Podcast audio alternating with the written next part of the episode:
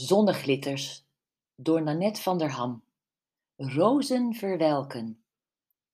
Mijn zus heeft een nieuw huis en ik help haar verhuizen die zaterdagmiddag.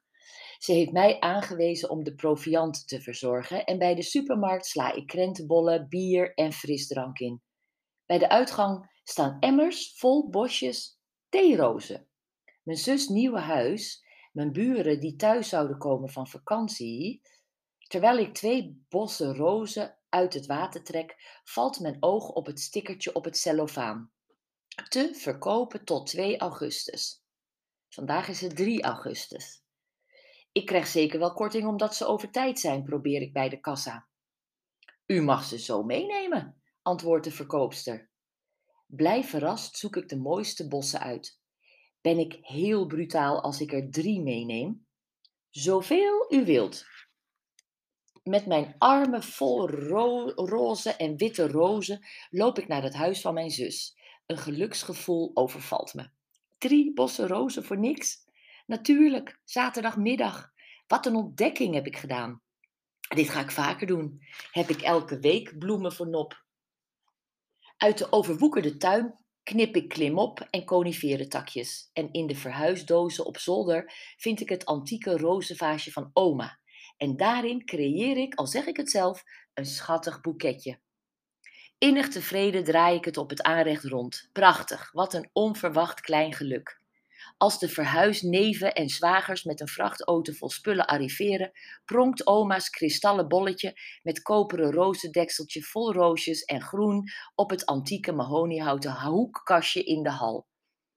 De oh, wat schattigs en de nu is mijn huis thuis van mijn zus zijn niet van de lucht.